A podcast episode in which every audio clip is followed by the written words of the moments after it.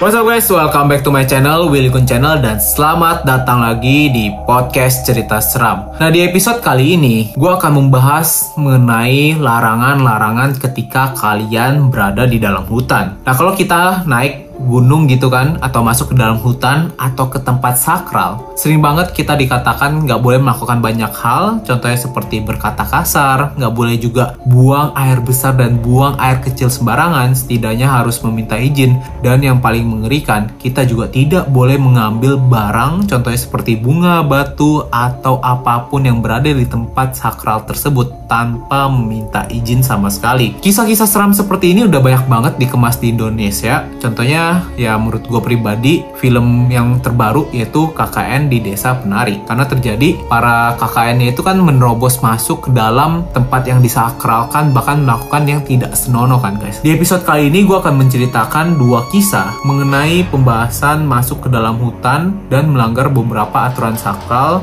Bahkan ujungnya itu tidak enak mereka itu sampai dihantu-hantui oleh penunggu hutan tersebut. Jadi sebelum kita masuk ke dalam episode kali ini, gue mau minta tolong kepada kalian, yuk support channel ini dengan cara klik tombol subscribe-nya aja.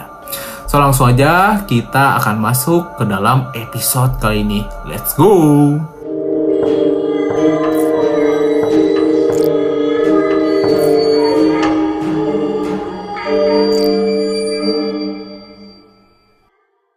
Episode kali ini dimulai dengan sebuah pertanyaan yang sangat simpel sekali. Apa saja kisah hantu paling mengerikan yang ada di desamu? Jadi, cerita pertama datang dari seorang wanita bernama Winnie Bonita. Dia tinggal di Bandung, Jawa Barat, dan dia menuliskan sebuah kisah di mana langsung saja gue bacakan kepada kalian. Yuk simak cerita hantu yang pernah terjadi di kampung saya. Ini kisah nyata atau real walaupun bukan aku yang mengalaminya. Tapi ini dialami langsung oleh tetanggaku yang rumahnya bersebelahan dengan saya. Tepatnya di Kabupaten Bandung terjadi sekitar tahun 2000-an dan sosial media belum semerajalela seperti saat ini. Jadi cerita-cerita seperti ini hanya bisa didengar dari warga ke warga antar kampung. Ceritanya berawal dari tiga bapak-bapak pencari jangkrik yang pergi ke gunung di daerah Kamojang, Bandung. Sesampainya di sana, ada satu orang di antara mereka panggil saja Mang Udin yang mendengar suara minta tolong dan tangisan suara perempuan. Si Mang Udin itu mencari sumbernya tapi tidak ketemu sampai dia terpisah beberapa saat dan bertemu kembali dengan temannya. Namun, saat bertemu dengan temannya, Mang Udin merasa aneh. Dia merasa tidak enak badan dan kecapean. Baru juga dapat beberapa ekor jangkrik, mereka harus segera turun dari gunung tersebut karena kasihan sama Mang Udin. Dan setibanya di bawah, harusnya mereka turun jalan kaki menuju terminal tapi karena Mang Udin udah mulai kelihatan pucat dan demam, terpaksa mereka menunggu mobil atau truk yang lewat menuju terminal. Singkat cerita, mereka pulang dengan selamat dan kejadian aneh pun akan segera dimulai. Tepatnya jam 11 malam hari itu, saat Mang Udin sedang lelap istirahat karena tidak enak badan dan kecapean. Dia tiba-tiba mendengar suara tangisan seorang wanita kembali. Namun, dia abaikan karena dia tahu itu bukan suara manusia. Satu malam pertama, suara tangisan itu terdengar di depan rumah Mang Udin dan hanya Mang Udin dan istri yang bisa mendengarnya. Malam kedua, suara ini kembali terdengar dan kali ini bukan hanya bisa didengar oleh Mang Udin dan istrinya, tapi juga bisa didengar oleh tetangga sekitarnya. Suara ini terus muncul sampai malam ketujuh. Suara tangisan wanita tiap malam itu hampir terdengar oleh semua tetangga Mang Udin. Tapi perumah itu hanya satu atau dua orang saja yang mendengar tangisan itu. Karena keresahan warga, Mang Udin pun menceritakan kepada Ustadz tentang wanita yang selalu menangis tiap malam dan dengan kesepakatan warga untuk menghilangkan suara tangisan malam itu. Dilakukan mediasi dengan wanita yang sering menangis tengah malam itu, tepatnya di rumah Pak Udin. Pak Ustadz melakukan pemanggilan roh wanita itu masuk ke dalam tubuh Pak Udin dan mengajaknya berbincang. Pak Ustadz langsung menanyakan, Siapa nama kamu? Wanita itu menjawab, Dewi. Apa tujuannya mengganggu warga sini dengan tangisan-tangisan di tengah malam?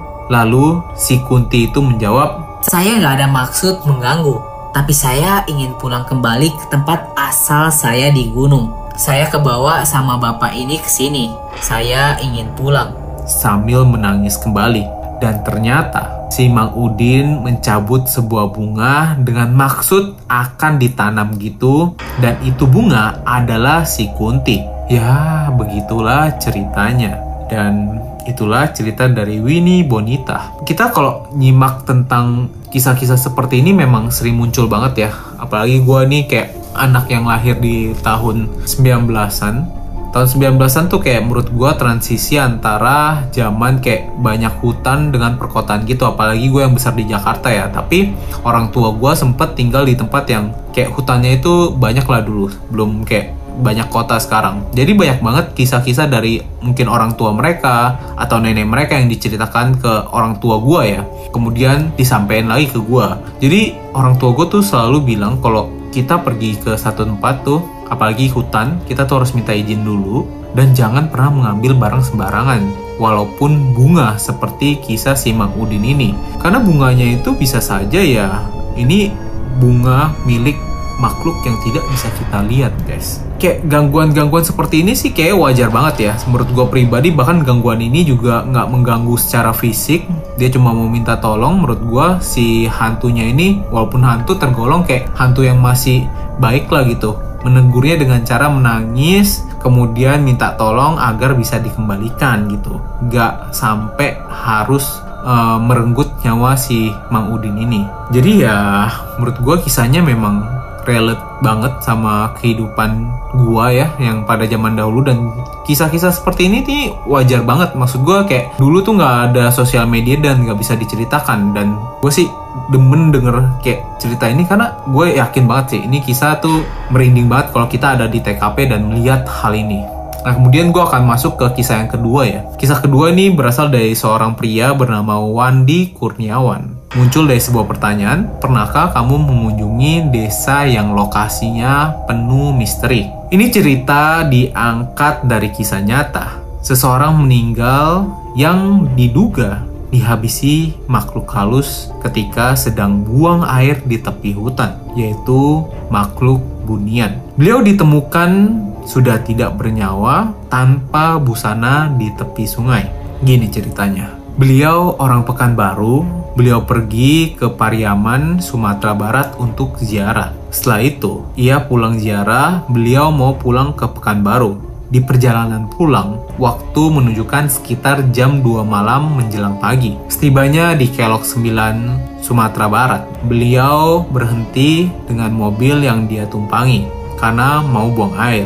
Lalu beliau pergi ke semak-semak di Kelok 9 ini dan Kelok 9 ini gak ada rumah sama sekali yang ada hutan dan sungai di bawahnya. Beliau buang air di dekat sungai di dekat hutan itu dan setelah 30 menit temannya menunggu tak kunjung pulang juga. Temannya mencarinya tapi tak berhasil ditemukan. Teman-temannya langsung melapor ke polisi setempat atas kejadian itu bahwa beliau yang berumur 37 tahun itu hilang di Kelok 9. Esoknya ada pencarian gabungan polisi sama tim SAR tapi tak kunjung ditemukan. Polisi, warga, tim SAR mencarinya di sisir sungai dan hutan, tapi tak kunjung menemukan beliau. Lalu polisi menemukan sandal beliau yang berada di sungai. Tim SAR mulai mencarinya dengan menyelam dan menyisiri sungai, tapi tak juga ada menemukan beliau. Saat beliau hilang, sempat ada pesan masuk ke istrinya dan teman semobilnya dengan pesan yang dia kirim sebanyak dua kali. Yang pertama, diterima oleh istrinya sekitar pukul 5.15 dini hari melalui pesan SMS yang isinya perkuatlah ibadah. Sedangkan pesan SMS yang kedua disampaikan ke salah seorang rekannya yang satu mobil dengan beliau dari perjalanan Padang menuju Pekanbaru. Pesan itu berbunyi, pulanglah duluan, nanti saya susul dengan kuda putih sekitar pukul 6 dini hari. Ini sangat misterius sekali karena beliau hilang dan ditelepon namun nomornya beliau tidak aktif. Jadi kayak dia hilang kemudian udah terima SMS-nya baru, tapi ketika ditelepon tuh nomornya nggak aktif guys. Setelah tiga hari pencarian gabungan, beliau ditemukan dengan jarak 1 km di dekat beliau hilang saat buang air kecil. Beliau ditemukan dalam keadaan tidak menggunakan busana, mengapung di atas permukaan air. Dan di sini memang si penulis juga melampirkan foto dari kejadian ini dan gue lihat sangat mengerikan. Posisinya itu beliau terbalik ya, menghadap ke bawah.